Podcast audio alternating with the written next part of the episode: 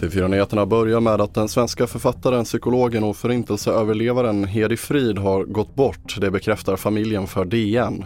Frid föddes i Rumänien 1924 och överlevde tiden i koncentrationsläger innan hon kom till Sverige 1945.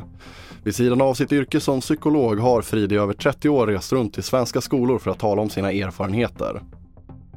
Och det är fortsatt stora problem i trafiken på grund av snön som fortsätter att falla över stora delar av framförallt södra halvan av Sverige och SMHI utfärdade tidigare idag en orange varning för Stockholm län. Det här kommer växla och det kommer växla väldigt eh, kraftfullt troligen och eh, det gör det att det här gäller till att följa med hur väderutvecklingen eh, eh arta sig.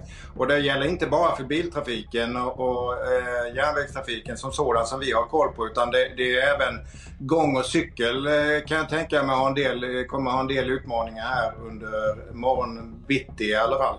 Det sa Bengt Olsson på Trafikverket och mer om detta på tv4.se.